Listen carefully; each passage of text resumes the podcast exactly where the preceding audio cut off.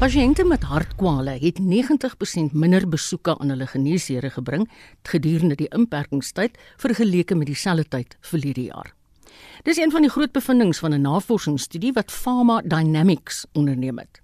Pharma Dynamics se woordvoerder, Nicole Jennings, het vir Anne-Marie Jansen van Vuren gesê dit is kommerwekkend omdat soveel Suid-Afrikaners aan hartsiektes ly. Ons meningspeiling het 40 algemene praktisyne in Suid-Afrika ingesluit en um, ons het hierdie meningspeiling gedoen om uit te vind of hulle 'n daling sien in pasiënte veral met hartverwante kwale.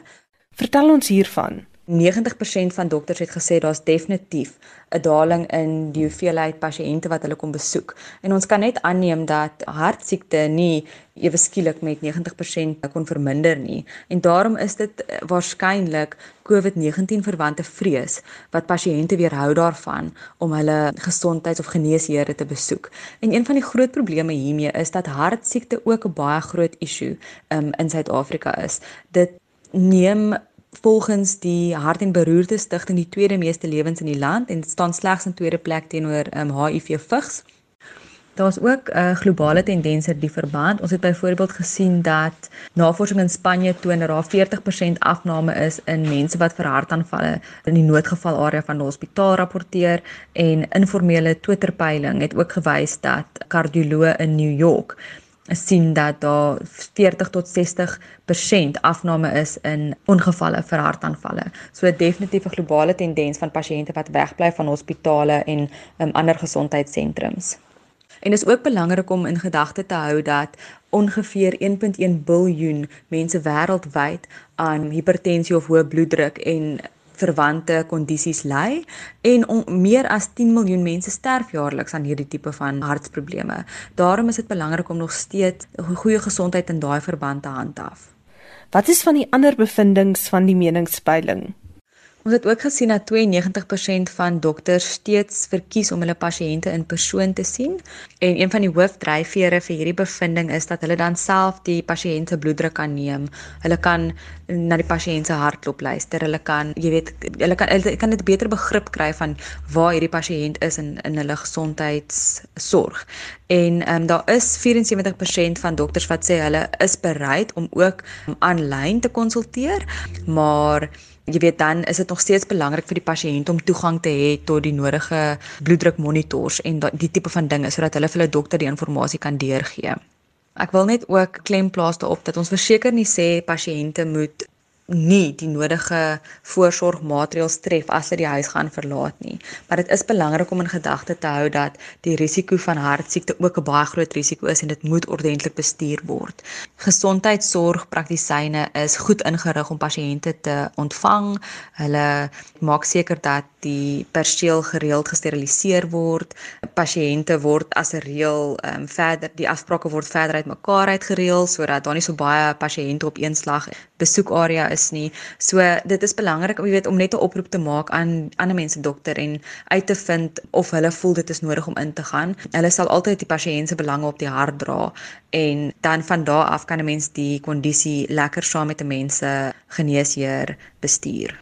Susan Nicole Jennings, die woordvoerder van die maatskappy Pharma Dynamics. Sy het met Anne Marie gepraat en ons gaan nog baie van Anne Marie vanmiddag hoor. Akademici, skrywers en kunstenaars in Kimberley is dat die plaaslike munisipaliteit die standbeeld van Cecil John Rhodes verwyder. Rhodes was een van die stigters van die De Beers mynmaatskappy in die stad en 'n voorstander van Britse imperialisme. New Bodimela doen verslag. Will you stand for this I ask? Will this generation stand for such things? Not anymore. Then that old man must fall. 'n Groep akademici, skrywers en kunstenaars sê die standbeeld van Cecil John Rhodes wat meer as 100 jaar in die middestad van Kimberley staan, is nie meer welkom nie. Seeing a man sitting on a horse, looking at this town as though he has conquered these natives. That's the language that we are seeing on that statue. Hulle het aan die voet van die standbeeld bymekaar gekom om teen die nalatenskap van Rhodes te betoog wat volgens hulle skandelik is en nie herdenk moet word nie. He represents everything that we do not want. The statue is a symbol. It's a symbol of violence. It's a symbol of extreme violence. And we don't want to be walking past here and be reminded of this violence. The statue represents a sad part of history. When the statue is taken down here, it goes to the museum. That is history. We don't want it here because we are offended by the colonial and apartheid iconography in our city. Die saamroeper van die betoging, Tinanzo, verduidelik hoekom hulle eis dat die standbeeld verwyder moet word. It's a slap on our history, it's a slap on our heritage, it's a slap on our dignity as Africans because we are continuing to, to suffer this white supremacist values that are legitimized through the statue of Cecil John Rhodes. So we cannot have him staying in Kimberley Die plaaslike Solpleitjie munisipaliteit sê hy sal die anti-Rhodes betogers se voorlegging oorweeg. Ek is Neo Budumela in Kimberley. En dis nou 10 minute oor 12 jy luister na Naweek Aktueel. Terwyl tradisionele media sekere persepsies onder ons kweek oor etniese groepe, wakker die sosiale media rassehaat aan.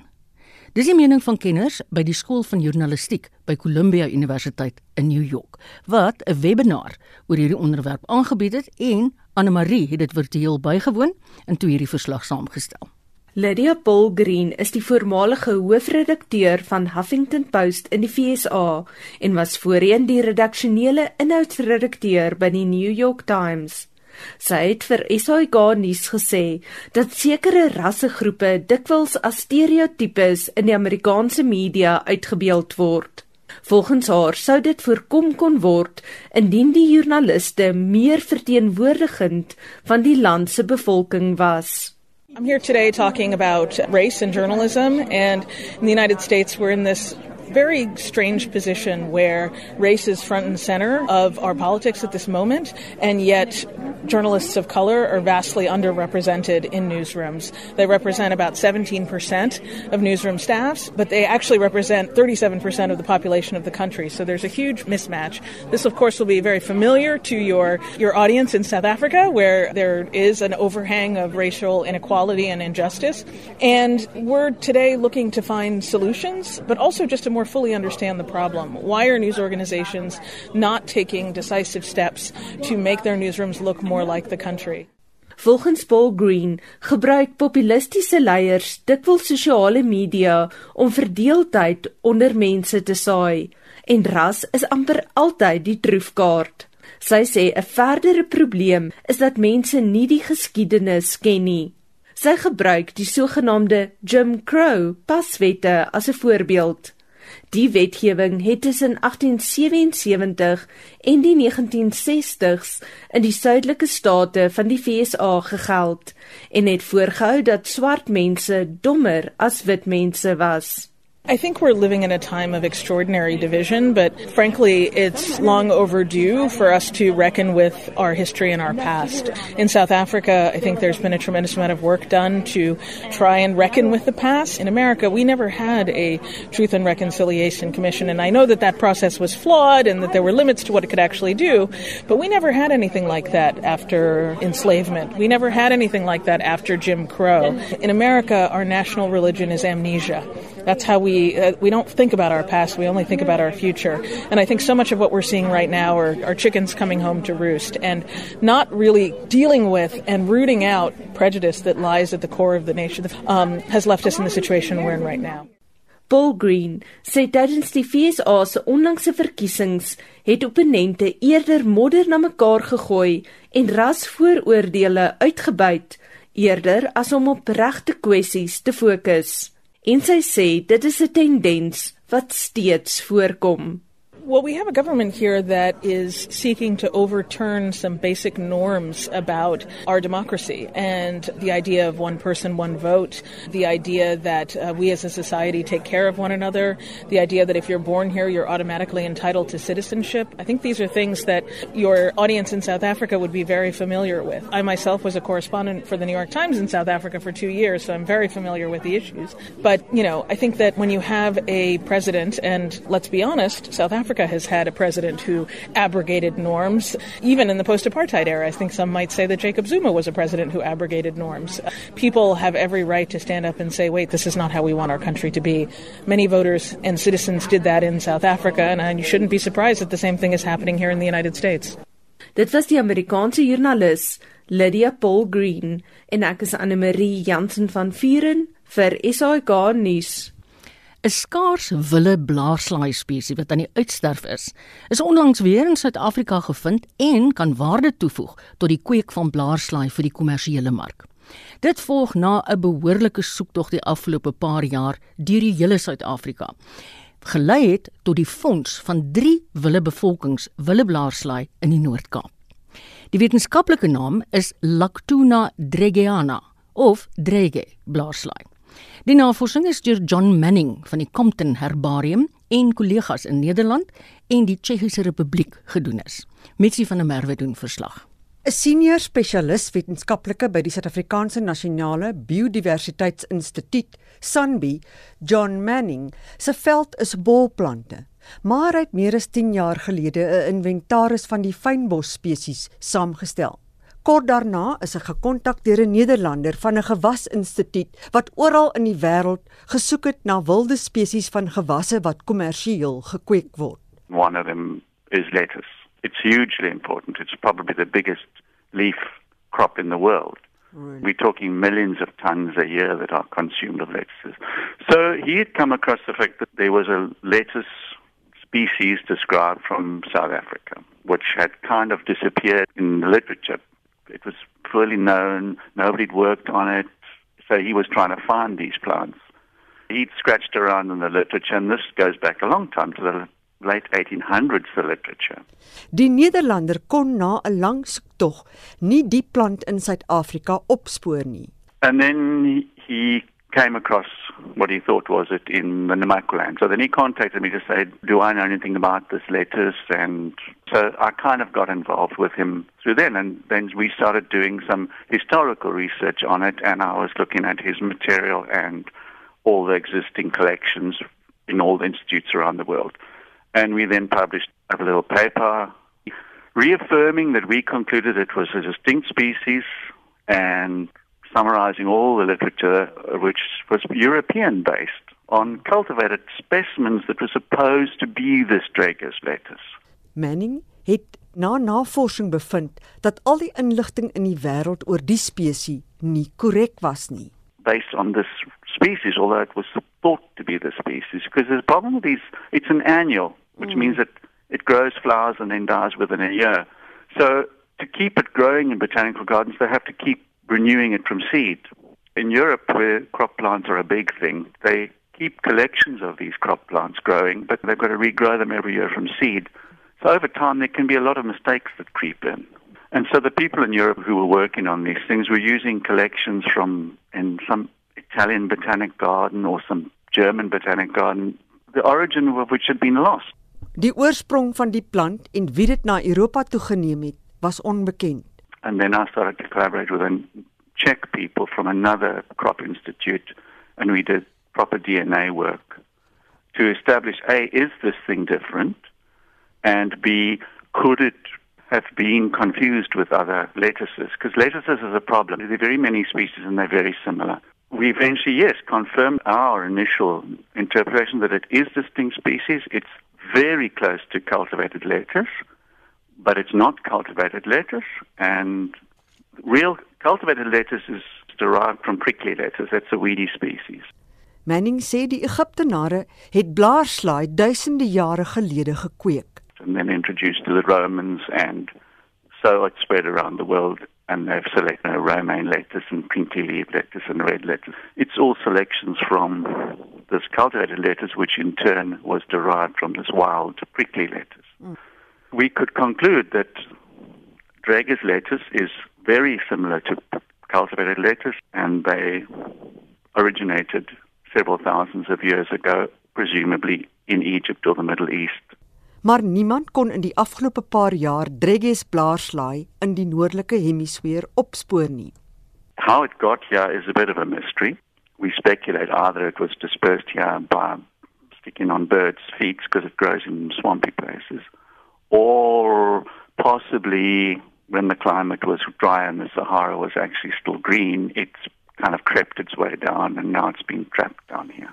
So there's no way that it could be introduced in commercial breeding. At this stage, no, it can't because it's still very close to the wild form of lettuce, which is quite bitter. Manning sê die wilde blaarslaai saad kan net deur 'n lang proses met kommersiële gekruis word. You'd have to go through process of selection and domestication as the Egyptians did because they originally grew the seeds for oil and they only later started selecting it for a leaf vegetable, making it shorter and leafier and getting rid of the bitterness out of the leaves. All the normal things that has to go with domestication of a crop make it bigger and more edible. So no, at this stage it can't be introduced and grown as a crop, but the fact that it's growing in a very strange place, it's the only one of these ones that are in sub-Saharan Africa, and it's distinct means it has distinct genetic characteristics, some of which may be useful to be reintroduced into cultivated lettuces. Maar dit is 'n bron van nuwe genetiese inligting wat bruikbaar kan wees. It was first collected in a place called Kanaland oh. in the late 1700s by an explorer. But now Kanaland is a vague place. Now we apply it to the Great Kruger and Cravenet, but at that stage it's not clear what he really meant by Kanaland. And then it was collected very precisely near Kompasberg, which is near Graafrenet, in 1833. And then it was actually named and described by a Swiss botanist. Volgens Manning groei die plante wat onlangs in Suid-Afrika gevind is, net in seisonale riviere en morasse. Daarna is dit in baie ander plekke in die land gevind. Bloemfontein, Warrenton, Zastron, all up through the central Karoo. Then one odd locality in Hopefield, also 1800s, one locality near King Williamstown, and then it stopped.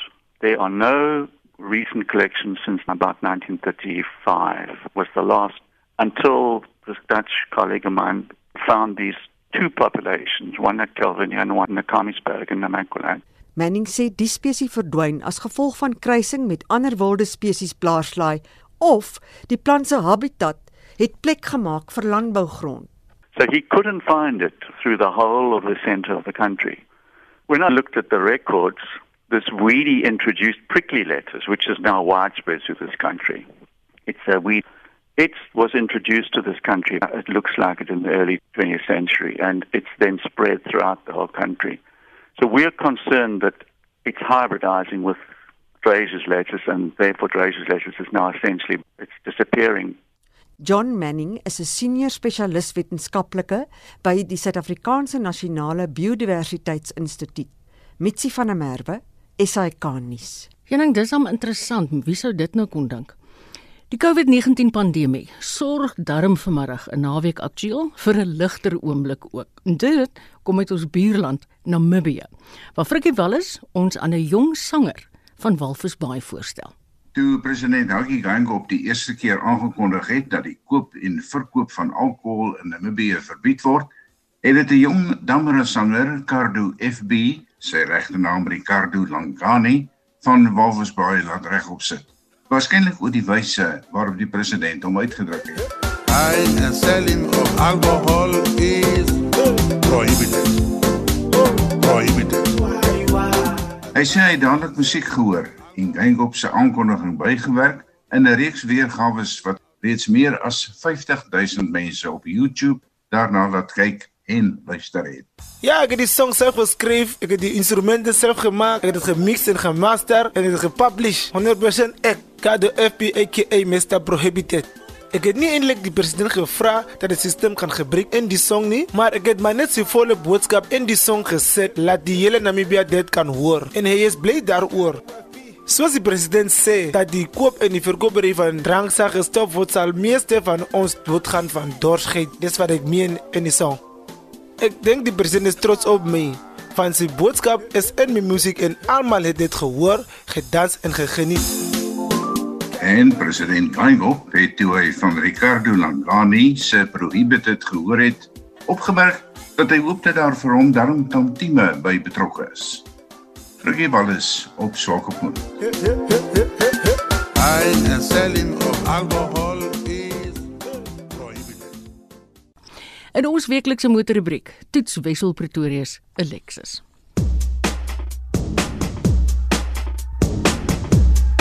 Toyota se luukse afdeling Lexus het so 'n paar maande gelede 'n nuwe model by sy ES-reeks gevoeg. Nou die ES is 'n groot sedan wat meeding met die Audi A6, BMW 5-reeks, Mercedes E-klas, Jaguar XF en die Volvo S90. Voorheen was die Lexus ES se hibriede masjien net in 'n topmodel beskikbaar teen aanderkant 920 000. Maar nou kry jy die aandrywing ook in 'n goedkoper model, die 300h EX vir 790 000 rand. Hy het 'n 2.5 liter 4-silinder petrolmasjien plus 'n elektriese motor wat gesamentlik 160 kW lewer. Die elektriese motor loop op sy eie wanneer jy wegtrek. Met normale versnelling skop die petrol oond eers teen so 40 km/h in. Met vinnige versnelling in teen 120 doen die petrolmotor die meeste van die werk.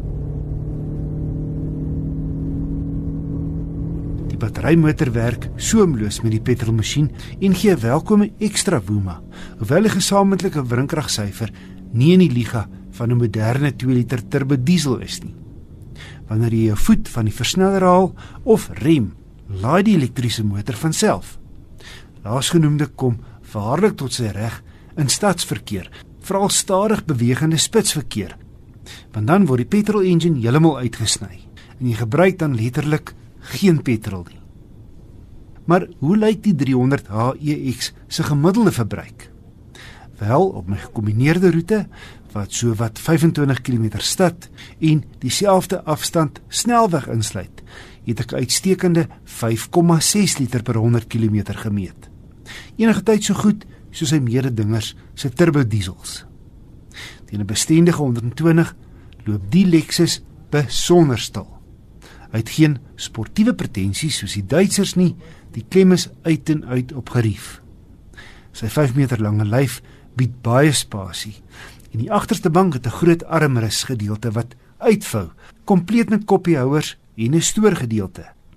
Hoewel die EX die goedkoper hibriede model in die reeks is, is hy steeds luks met standaardkenmerke soos leersitplekke wat voorlangs verhit, 'n sondak, klimaatbeheer, 'n 10 luidspreek klankstelsel, parkeersensors voor en agter met 'n driebeeld, nie minder nie as 10 ligsakke, twee USB sokke voor en een agter.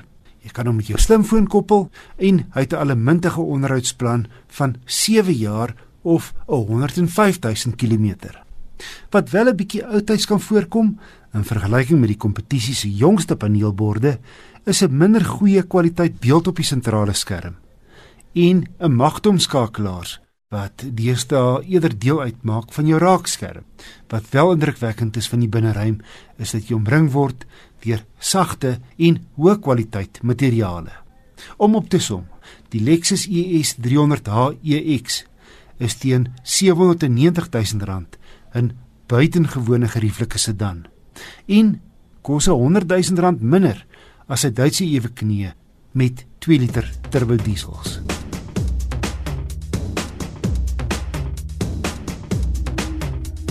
En so sê Wessel Pretorius. Die datums vir volgende jaar se Klein Karoo Nasionale Kunstefees is pas bekend gemaak. Dit sal van Woensdag 31 Maart tot Dinsdag 6 April 2021 plaasvind. Die organiseerders het ook gevra dat kunstenaars nou reeds hulle programvoorstelle vir volgende jaar indien. Vir my hoor praat ons nou met die artistieke direkteur van die KAKNK, Hugo Tiart. Goeiemiddag Hugo. Goeiemiddag Hugo. Middag Marieta. Hoe haal julle weer asem na die teleurstellende kansellasie van hierdie jaar se fees? Sjoe. ja, dit was nog 'n ehm 'n rower rit die afgelope tyd. Ehm um, en natuurlik 'n groot leerstelling. Maar 'n mens kan nie soos die verspreek spreekwoordelike volstrys ja met jou kop in die sand sit nie. So ons ehm um, is sal het onmiddellik weer begin planne maak en besig met baie projekte. Ehm um, en 'n mens kyk nou natuurlik om weer fees te hou volgende jaar. Net terwyl van ons luisteraars wil ek net noem, ons het 'n hele ingewikkelde tegnologiese stelsel waarmee ons met jou hier gou vandag kan praat. So as jy effens se ego hoor, dis nou maar hoe dit is. Op watter maniere kon julle die kunstenaars bystaan wat veral dies wat ernstige finansiële verlies gelei het, ego? Ja, sien, dit is maar 'n moeilike situasie, jy weet, met 'n fees wat 'n week weg was om te begin, ehm um, mm. en te kanselleer. Jy weet so, dit was moeilik en um, 'n mens kon natuurlik nie um volle um, um alle verskaffers en alle kunstenaars betaal vir um optredes wat gebe moes gebeur het en so nie. Um ons is baie dankbaar dat ons baie van ons borgers soos Absa en Media 24 het wat um, nog steeds by ons gestaan het en ons gehelp het om jy weet kostes te dek waar moontlik. Um en um ek dink die groot ding is is dat um, ons nou planne maak om te kyk hoe ons hoe ons nuwe projekte kan aanpak met saam met borge um, wat vir hulle waarde gee en wat dan ehm um, jy weet dan 'n inkomste genereer in die, in hierdie tyd wat 'n mens nie kan ehm um, voorgehore optree nie. So ons het byvoorbeeld ehm um, ag daar's verskillende projekte wat ons nou loods. Ons het die KAKNK se 2020 ehm um, kunsuitstalling, ehm um, visuele kunsuitstalling gaan ons binne die volgende paar weke ehm um, word daar hele uitstalling ehm um, virtueel aangebied 'n virtuele galery wat baie opwindend is. Ehm um, so ons sal ehm um, alles sal op ons ehm um, KAKNK webtuiste wees. En ons het ook 'n projek byvoorbeeld met Netwerk 24 aangepak, ehm um, kortom, wat 'n kortfilm projek is en enigiemand kan inskryf. Ehm um, inskrywings ons vra nou vir voorstelle ehm um, vir draaiboeke. En jy kan dit in die, in die, in die gemak van jou huis kan jy dit op 'n selfoon afneem. Ehm um, as jy gekeer word. Ehm um, en dit is alles ontwerp om binne die hele Grendelstaat reëls en regulasies nog steeds te kan gebeur. Ehm um, en dit sal werk skep vir omtrent 40 akteurs. So ehm um, ja, ons is opgewonde oor sulke tipe van projekte. Kan ons 'n bietjie meer duidelikheid kry aan watter vereistes moet programvoorstelle voldoen? Ehm um, dink ons kyk baie sterk natuurlik weet niemand uh, die onsekerheid van waar ons gaan wees teen die einde van die jaar of teen die begin van volgende jaar mm. is mhm. natuurlik nog daar. En die realiteit is is dat ons 10 teen 1 nog met 'n paar reëls en regulasies gaan uh, uh, gaan moet wees om veilig te wees en en en gesondheidsmaatreëls uh, te hou. So ons soek definitief na ehm um, voorstelle, innoverende voorstelle waar ehm um, tradisionele voorstelle vir jy weet wat mense gewoonlik soek, maar ook dan voorstelle wat virtueel is en wat virtueel aangebied kan word, maar ook voorstelle wat byvoorbeeld in die oop lig aangebied kan word vir kleiner gehore wat jy makliker kan um um reguleer um binne binne sekere reëls um en regulasies wat moontlik nog in plek sal wees. So um ons wil graag mense aanmoedig om uh, innoverende um voorstelle te maak wat wat alles in gedagte hou van waar waar ons nou in die wêreld is. Ja, dit kan jy weet, dit is letterlik die wêreld, né? Nee. Hierdie was nou so 'n holderste bolder jaar en so baie dinge moes vinnig gebeur. Dink julle enigsins al aan 2022 en 23 se feeste? Ja, dis baie belangrik vir ons. Ons het eintlik voor voor hierdie pandemie ons getref het, het ons reeds begin en jy weet, moet 'n mens begin dink aan aan die toekoms want daar's sekere projekte wat eintlik langer tyd nodig het en dalk meer befondsing en spesiale befondsing. So ons moedig ook mense aan um professionele kunstenaars um, um en en vervaardigers om vir ons um voorstelle te stuur vir 2022 en 2023 en selfs langer. Um sodat 'n mens as dit 'n waardevolle um 'n projek belangrik is dat 'n mens onmiddellik kan aandag daaraan begin gee en en vooruit beplan. Gou ek hoop eerlikwaar hier van ons kant af by naweek aktueel nie dat julle weer dese jaar soos vanjaar sal gaan nie. Ek weet dit was geweldig ontwrigtend, nie net vir julle nie, maar ook vir die kunstenaars en mense wat graag die fees wou bywoon, maar ons lewe in vreemde tye. So baie sterkte vir volgende jaar en ek hoop eerlikwaar dit gaan baie goed. Baie dankie Marieta, waardeer. Dit was Hugo Tiart, die artistieke direkteur van die KAKNK. Ek dink nie ek wou vanjaar sy lewe gehad het nie, want ek moet jou sê, dit was chaos, maar soos dit op baie terreine chaos gewees. Die hutsmerk Tat Must Fall gons steeds op die sosiale netwerk Twitter. Studente van die Tshwane Universiteit van Tegnologie het hierdie hutsmerk veldtog 2 weke gelede reeds begin om te wys dat hulle ontevrede is met TUT se afstandsonderrigplanne. Tog handel baie van hierdie sogenaamde tweets wat hierdie hitsmerk bevat, glad nie oor die studente se gruwe nie. Weer Anne Marie. Van die tweets beloof Twitter gebruikers dat hulle 'n slimfoon kan wen as hulle die boodskap aanstuur. Ander tweets handel oor heeltemal ander onderwerpe en bevat dan amper terloops die hitsmerk DUT must fall. Dit sluit in tweets waarin plaaslike televisieprogramme en selfs landspolitiek bespreek word. SAK nuus het 'n paar voorbeelde van hierdie tweets aan Dr Lourens Aldo Cornelissen gestuur. Hy is 'n datawetenskaplike en navorsingsgenoot by die Universiteit Stellenbosch se departement inligtingswetenskap. Die voorbeelde wat jy uitwys bevat drie konsepte: hashtagging, oftewel hitsmerkkaping, clickbait, oftewel kliklokkers en astroturfing. So hitsmerkkaping is waar mense 'n trending hitsmerk in hul tweet sit om soonende meer aandag te trek na hul tweet. Al het die trending hitsmerk niks te doen met wat hulle actually sê nie. In die voorbeeld kan ons sien dat die hitsmerke wat saam met Tatsmas vol geplaas is, trending hitsmerke op daardie stadium was. Ons kan ook oor tyd sien hoe hulle dit verander soos die trends verander. 'n Klassieke voorbeeld is byvoorbeeld die Super Bowl. Die Super Bowl trek ongelooflik baie aandag en is gewoonlik 'n trending topic op Twitter. Wat baie mense dan doen is om die hashtag Super Bowl in hulle tweets te sit en mense wat soek na hierdie tweets sien ook dan hierdie tweet wat jy ingesit het al het dit niks te doen met die Super Bowl nie. Die volgende ding is kliklokkas. 'n Kliklokkas gebruik 'n valse premise, soos 'n valse kompetisie, kontroversiële plasing, memes, fopnuus en so meer om aandag te trek en sluip soms die hitsmerk saam in soos mense aandag gee vir die valse plasing, kry die verkose hitsmerk verniet en opstoot sonder dat mense dit agterkom. Boonop, trending hitsmerk trek aandag en soos mense na aktiwiteit kyk rondom die hitsmerk, sal hierdie plasing ook daar aandag geniet. Hy verduidelik dat die sosiale media term astroturfing na kunsgras vernoem is.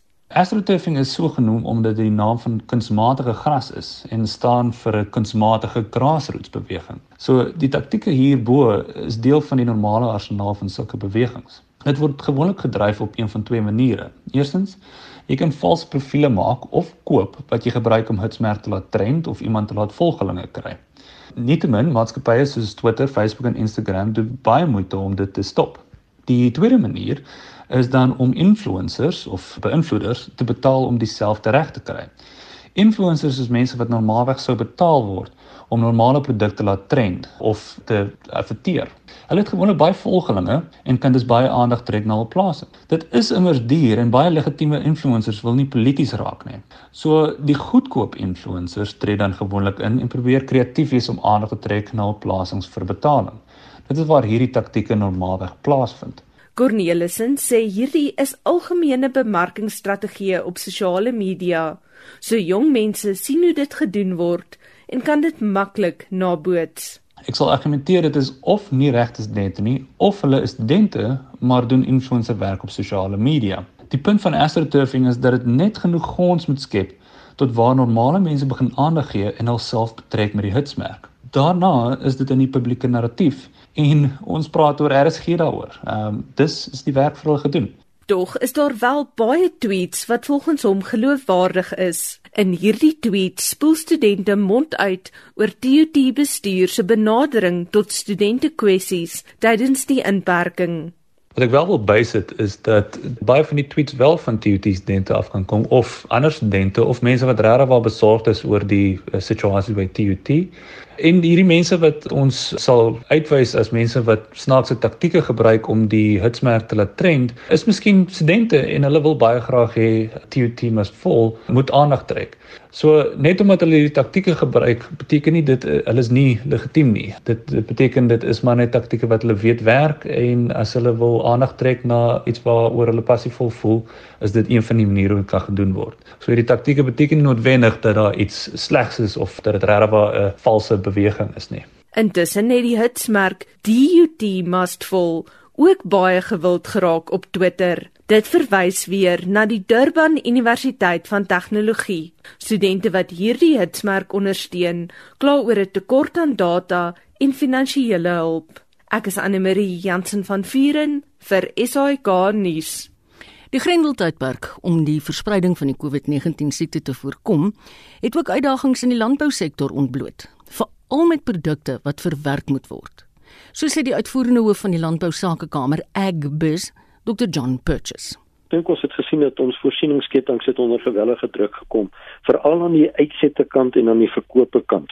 Ons produseer meer as genoeg. Inteendeel ons het hierdie jaar gaan ons waarskynlik 'n 10% groei hê BBP in landbou as volgende goeie mielieoes as volgende goeie vrugteoese maar ons het gesien die verspreiding na ons informele marksektor en dit is ongeveer 40% van Suid-Afrika se landbouvoedselstelsel was erg ontwrig geweest deur die maatreëls wat afgekondig is. En dit is hoofsaaklik as mens kyk na die Johannesburg varsprodukte mark, meer as die helfte daarvan gaan na die sogenaamde bakkie traders toe. En hulle voorsien dan weer die tannies wat op die straat hoek die vendors, die hawkers vir vrugte en groente daar verkoop. Dan ook in die kleinveebedryf, ongeveer 30% van hoenders wat geproduseer word, gaan as lewende hoenders uit na die informele mark. En so kan jy aangaan, daar's brood, dis amper 60% in die informele mark. En daai mark is uiters erg ontwrig en dis hoekom ons nou hierdie landhoue sien van mense wat honger ly. So dit was die eerste groot probleem wat ons ingehardloop het. Dan die tweede ene is natuurlik die logistieke probleme wat ons in die hawens ervaar het. Ons het net weer besef hoe belangrik die hawens is vir uitvoer en invoer, maar al landbou die uitvoere van ons vrugte en van ander landbouprodukte. En Kaapstad het ons nog steeds aansienlike probleme wat ons ervaar as gevolg van COVID. En daar's 'n hele paar ander. Dieselvoorsiening is 'n massiewe probleem op die oomblik. En dis ook 'n dienslewering deur Transnet, die pipeline wat nou blykbaar stikkend is as gevolg van diefstal en 'n paar ander probleme. So ja, ons het gesien nou waar die akplekke is in hierdie hele proses van die landbou. Wat kan die regering doen om te help dat landbouprodukte vir die uitvoermark ten minste daar kan kom?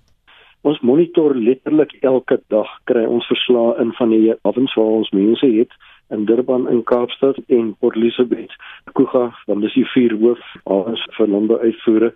So ons is nou in die piekseisoen van sitrus en daar gaan nog steeds 'n klompie pere en appels en dies meer uit. Gelukkig is ons klaar met die tafeldrywer. Die uitvoere van sitrus hoort nagenoeg 25 miljard rand te wees. So dis 'n hele klompie geld buitelandse valuta wat ons kan verdien in die proses. Nou ons het Vrydag 'n vergadering met minister Pravin Gordhan gehad saam met die Michelle Phillips wat die die hoofuitvoerende amptenaar is van Transnet Port Terminals en ons verstaan nou beter wat hulle pyne en probleme is en definitief in die Kaap het COVID 'n groot impak op die werksmag daar.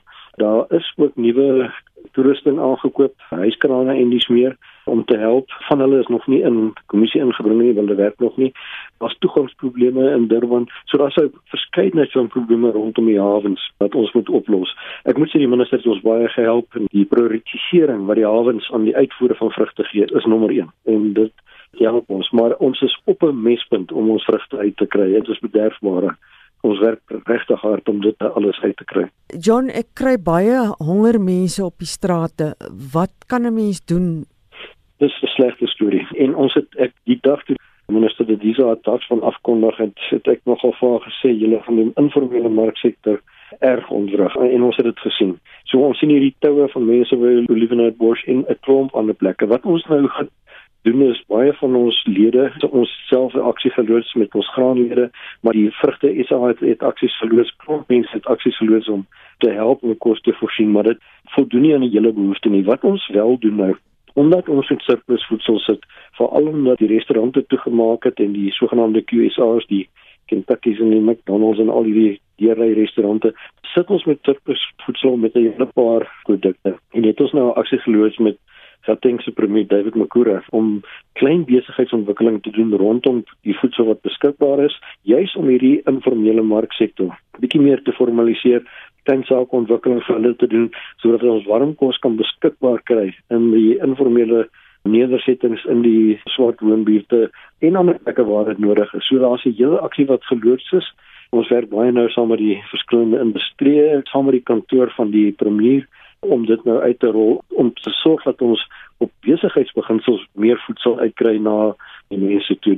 Ons het genoeg voedsel. Die kwessie is die mense het nie die vermoë om dit te koop nie omdat hulle nie werke het nie en die distribusienetwerke wat daar was, uh, het nie meer gefunksioneer nie en ons moet dit nou weer in plek kry. Dit was Dr John Purchase, hy is die uitvoerende hoof van die Landbousakekamer Agbus en hy was in gesprek met Mitsi van der Merwe. Weens die COVID-19 pandemie, wel wêreldwyd, gaan die gesogte Kaan rolprentfees nie hierdie jaar die rooi tapuit vir sy besoekers uitrol nie. Daar gaan wel steeds 'n virtuele rolprentmark van 22 tot 26 Junie plaasvind. Die rolprente wat oorspronklik gekies is om by Kaan vertoon te word, sal nou by ander filmfeeste later die jaar gewys word. Weer Anne Marie. Hoe is die Kaan rolprentfees gebore? Die organiseerders wou 'n rolprentfees stig om te kompeteer met die Venesiese rolprentfees, wat toe die enigste internasionale fees van sy soort was. Die vonk in die kruitvat was toe die Italiaanse leier Benito Mussolini in 1938 ingemeng het by die wenners van die Venesiese rolprentfees. Mussolini het op eie houtjie besluit om die Nazi-propaganda film Olympia en 'n sterk fasistiese oorlogsfliek wat onder Mussolini se seun se toesig gemaak is, as die beste rolprente van die fees te bekroon vir die jurylede wat hul sterk hierteen uitgespreek het, was genoeg genoeg. In 1939 is die eerste Kaan rolprentfees langs die Franse Riviera gehou. Attracted by the music of the orchestras which resonated over the Bay of Cannes, a crowd of stars came to that first gala soiree, which opened the season for the festival and the films. Elegantly dressed, they all danced, as if the world around them no longer existed. In a cloud of light, Cannes had become a festival.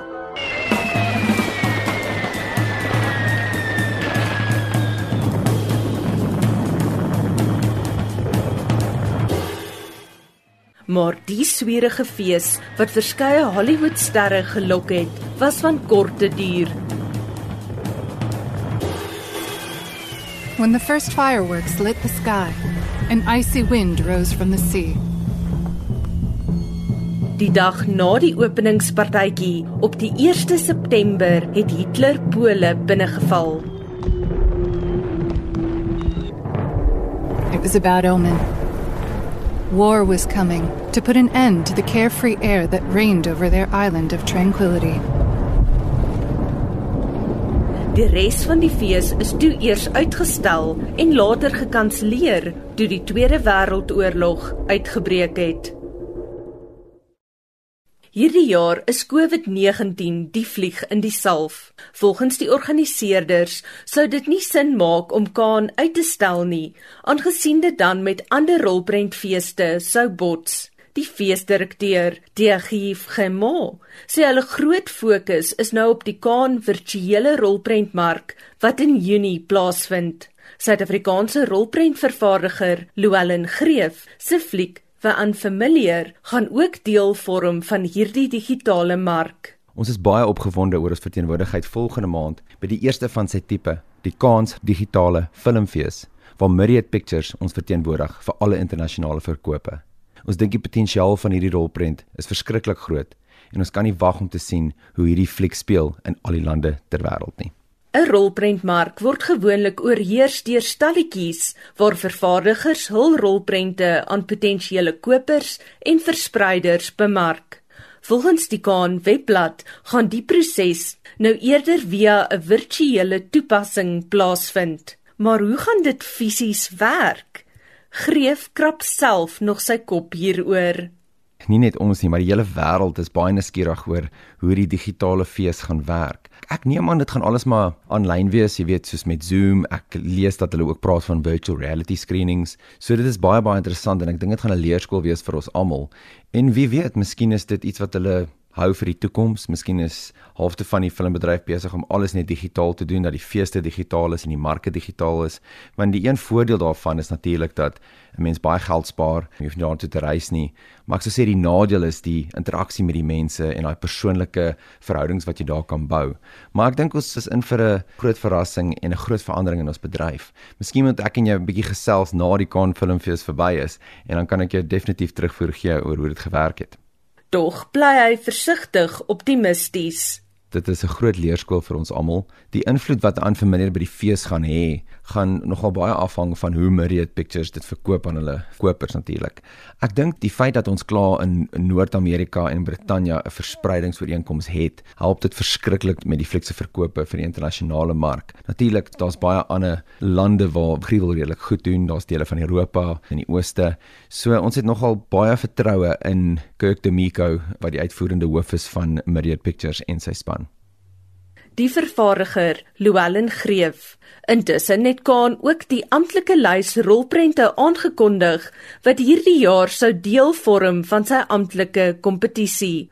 Volgens die organiseerders het hulle reeds bande met ander feeste gesmee, insluitend Toronto, Venesië, New York en Busan in Suid-Korea. Die amptelike kaan verkose rolprente sal spesiale vertonings by hierdie onderskeie filmfeeste hê.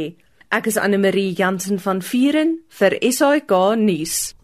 Die Kaapstad Metro is deur die parlement oor die vingers getik vir die wyse waarop die polisie tydens wonings in Hangberg Houtbaai vernietig het. Die huise is vernietig te midde van die koue front wat die Kaapse skiereiland getref het. Vincent Mofokeng sê dit het tot hewige botsings tussen inwoners en die polisie gelei. Kaapstad se onbewoonde onwettige strukture is verwyder deur die polisie en die metropolisie. Die besluit het egter heelwat kritiek uitgelok tydens 'n aanlyn vergadering van die parlement se toesigkomitee vir samewerkende regering en tradisionele sake. Raadslid Rob Quintas verduidelik wat gebeur het. On the 11th of June, illegal, incomplete, and unoccupied structures were demolished in the Hamburg area in a joint operation undertaken by public order police, local SAPs, and law enforcement. This operation has been requested for repeatedly over months by the residents of Hamburg, who've been pleading that law enforcement halt these illegal land invasions. Those involved with the illegal building have been served with warnings and notices. In terms of disaster management and other vital services, all have been suspended due to violence and will only be able to return to assist with flood relief and other services once there is calm. I urge community members to remain calm, and our thoughts and prayers are as always with a wide majority of law abiding and peaceful residents who are caught in untenable conflict at times such as these. Die Wes-Kaapse polisie woordvoerder, Sergeant Noloyiso Rwetlana, sê die voorval word ondersoek. Houtbay Police are investigating a case of public violence following an unrest in Hangberg. Police were assisting the city of Cape Town, who were demolishing unoccupied illegal structures in Hangberg when a group of about 100 people participated in an unrest. Police took action to disperse the crowd. No arrests were made, no injuries reported. Dit was Sergeant Noloyiso Rwetlana, die Wes-Kaapse polisiewoordvoerder. Ek is Vincent Mofokeng vir SAK. En dit was vandag se naweek aktueel. Ek groet namens die waarnemende uitvoerende regisseur Hendrik Martin, vandag se redakteur Jean Esterhuizen, ons produksieregisseur was Daitron Godfrey. Ek is Marieta. Geniet jou middag in die geselskap van RC Netina. Is dit Charlene met die 1 uur nuus.